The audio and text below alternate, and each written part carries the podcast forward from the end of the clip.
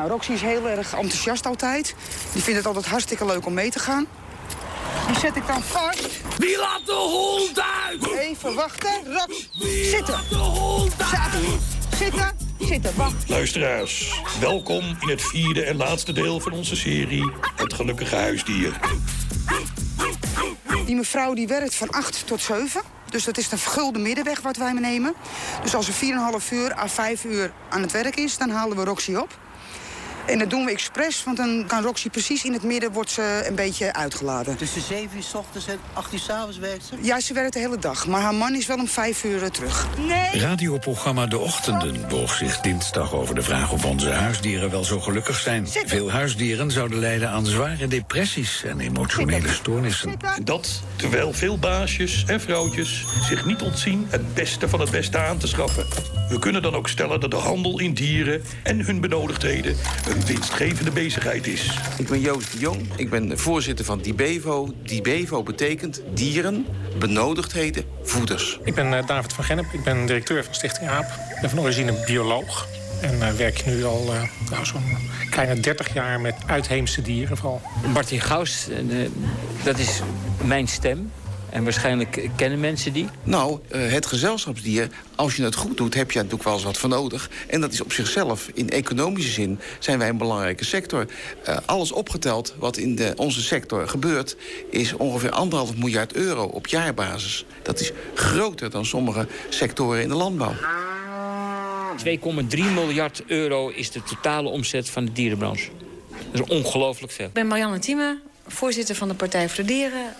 De gezelschapsdierenhandel is echt een enorme lucratieve handel. De illegale exotenhandel is de meest lucratieve handel ter wereld naast de drugs. En Nederland speelt daarin een cruciale rol. Wij denken dat wij zo goed zijn met dieren. Maar als wij daar aan geld kunnen verdienen, dat zien we met de bio-industrie... maar dat zien we ook met de gezelschapsdierenhandel... dan zijn wij haantje de voorste. Ja, het is een gigantische industrie, een gigantische lobby dus ook. Dus dat merken wij ook. Als we er iets aan willen veranderen... dan, dan, dan schoppen we aan tegen een gevestigde orde... die, ja, die een behoorlijk belang vertegenwoordigt. Nou ja, we hebben onder andere dan dus die lijst van diersoorten... die je nog wel en die je niet meer mag houden. Dus dan wij komen dan bijvoorbeeld lopen we aan tegen de knaagdieren. Veel knaagdieren zijn verrekte slecht te houden al die eekhoornsoorten. We hebben destijds op Schiphol het eekhoorndrama gehad... met die, die 400 die de haksla ingingen. Nou, dat soort dieren worden op vrij grote schaal als huisdier verkocht. Die worden dan per paardje verkocht, terwijl ze eigenlijk cannibalistisch zijn. Het zijn dieren die elkaar naar het leven gaan staan... als ze in een beperkte ruimte gehouden worden. Als je dus twee verkoopt, weet je als handelaar zeker... dat er eentje al heel snel het loodje legt en de andere kort daarna... en dan komen ze terug voor een nieuw stelletje. Als je dan zegt van nou, dat zijn geen dieren die geschikt zijn voor de huiskamer... dan wil je ze dus eigenlijk niet op zo'n lijst hebben. Nou, dat krijgen we niet voor elkaar. Daar wordt gewoon te veel geld mee verdiend. Als je een dier uit de natuur haalt, ook zo'n merkwaardige discussie is erover... dat dat slecht is voor het dier. En ik zal het toelichten met een voorbeeld. Een van de meest verkochte aquariumvissen zijn zogenaamde kardinaalneons. Dat is een visje met een fel oplichtend blauw bandje en daaronder een rood bandje. Die zijn haast allemaal, die visjes die je koopt, in het wild gevangen. Komen uit Zuid-Amerika. Het gaat er als volgt. In de natte tijden gaat het regenen. Dat is altijd een natte tijd. En dan zitten die visjes, de oudere dieren van het vorige jaar... zitten in poeltjes en dan zwelt dat water... en dan komen de gebieden onder water te staan. Die beesten zwe- zwemmen uit, die leggen eitjes... en er worden miljoenen visjes komen eruit. Miljoenen, miljoenen, want de natuur is altijd overvloedig... om de soort in stand te houden. Dan komt de droge tijd, dan zakt dat wa- water langzamerhand allemaal weg... en dan krijg je eerst grote poelen en steeds kleinere poelen... en daar zitten al die visjes, verzamelen zich erin. Dat is onvoorstelbare hoeveelheden. Daar wordt uit weggevangen. De rest van die vissen verdrogen voor het grootste deel. Dan blijft maar een klein beetje over. Die zitten weer in de kleine poeltjes. En volgend jaar is weer hetzelfde ritueel. Als ik nou vis was... en ik mocht kiezen tussen of ik verdroog daar... of ik word gevangen en ik zit nog vier of vijf jaar in een aquarium... bij een meneer in Nederland... dan koos ik voor het laatste. Veel huisdieren, en met name de knuffelvarianten, hebben behoefte aan tijd en aandacht. Wie laat de hond uit? Maar wat als je naast een hond, konijn of kangeroe ook nog een baan hebt? We hebben één angsthaas bij ons. Die moet even aan de riem in het begin. Dat moet lieverd. Ah, Die is mishandeld bij de vorige eigenaar. En die moet eh, socialiseren. Liever. Toen kreeg ik ineens een ideetje. Ja, yippie-yo, een uitlaatservice bellen vandaag. Alle honden uitlaatservice Die zitten twee, tweeënhalf uur met een hond in zijn auto. En ik wil streven met Peter samen binnen 35 minuten naar een hondenuitlaatplaats. Peter en Alleen runnen sinds enige tijd een hondenuitlaatservice in het Amsterdamse Osdorp. Mijn man die ging altijd met onze hond wandelen. Hij vond het zo geweldig. Hé Peet, eh, je kwam gewoon een vrouwtje tegen in het park.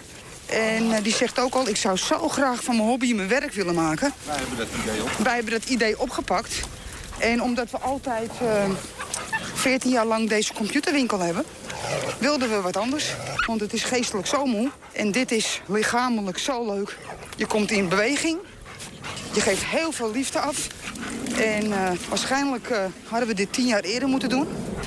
Maar daar zijn we nooit op, de, op het idee gekomen. En we willen natuurlijk veel meer hondjes nu.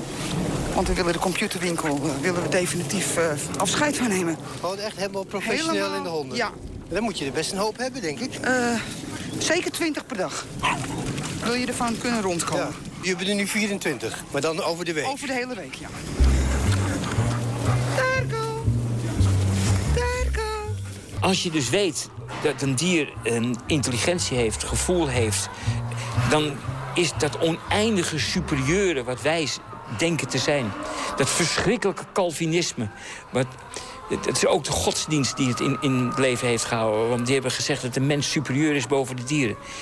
Permitteren wij ons ongelooflijk veel rare dingen. Het is natuurlijk onvoorstelbaar als je weet dat twintig kippen elkaar kunnen herkennen. En dat ze er honderdduizend boven elkaar zetten. Dat ze weten dat het dus verschrikkelijk is. Dus hak je al die eh, snavels haal je eraf. Want anders slachten ze elkaar af. En het interesseert niemand ene reet. Want je moet concurreren met Thailand. Je moet concurreren met een ander derde wereldland. Zolang de voorraad strekt, koopt u panklaar kippenvlees tegen de voordeligste prijzen. Hele kip kost nu slechts 2300 gulden per pond. Ik begrijp niet dat er nog steeds zoveel mensen zijn... die kritiekloos met hun handen naar die hamlapjes en die kipfiletjes gaan. Voor 3, 4 euro per kilo. Het kan gewoon niet. Het, het rare helemaal is, is dat het aan de ene kant knuffelen ze iemand dood. Daar ben je er heel goed voor. Aan de andere kant interesseert het je niets. Het, weet je waar het een beetje op lijkt? Het is haast een concentratiekamp van vroeger. Er was een, een stel Joodse mensen zaten in een concentratiekamp... en er konden een paar viool spelen. En die werden gekoesterd. En die niet viool konden spelen, die werden vergast.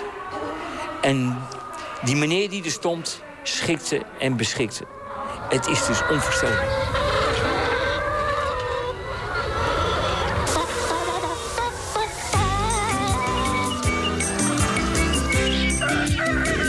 Maar als jullie elke keer die honden op komen halen, die het natuurlijk heerlijk vinden, Ja. beginnen die honden niet meer van jullie dan van een bak te houden?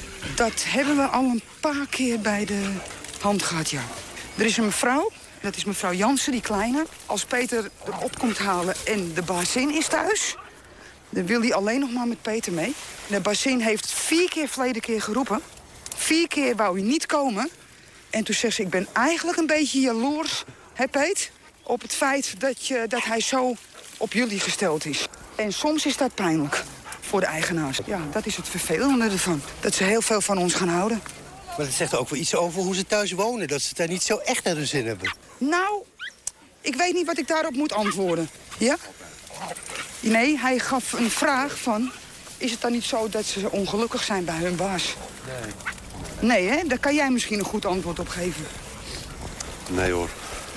Honden zijn trouw aan een baas. Kijk, zijn programma gaat natuurlijk om het feit van... of ze ongelukkig zijn.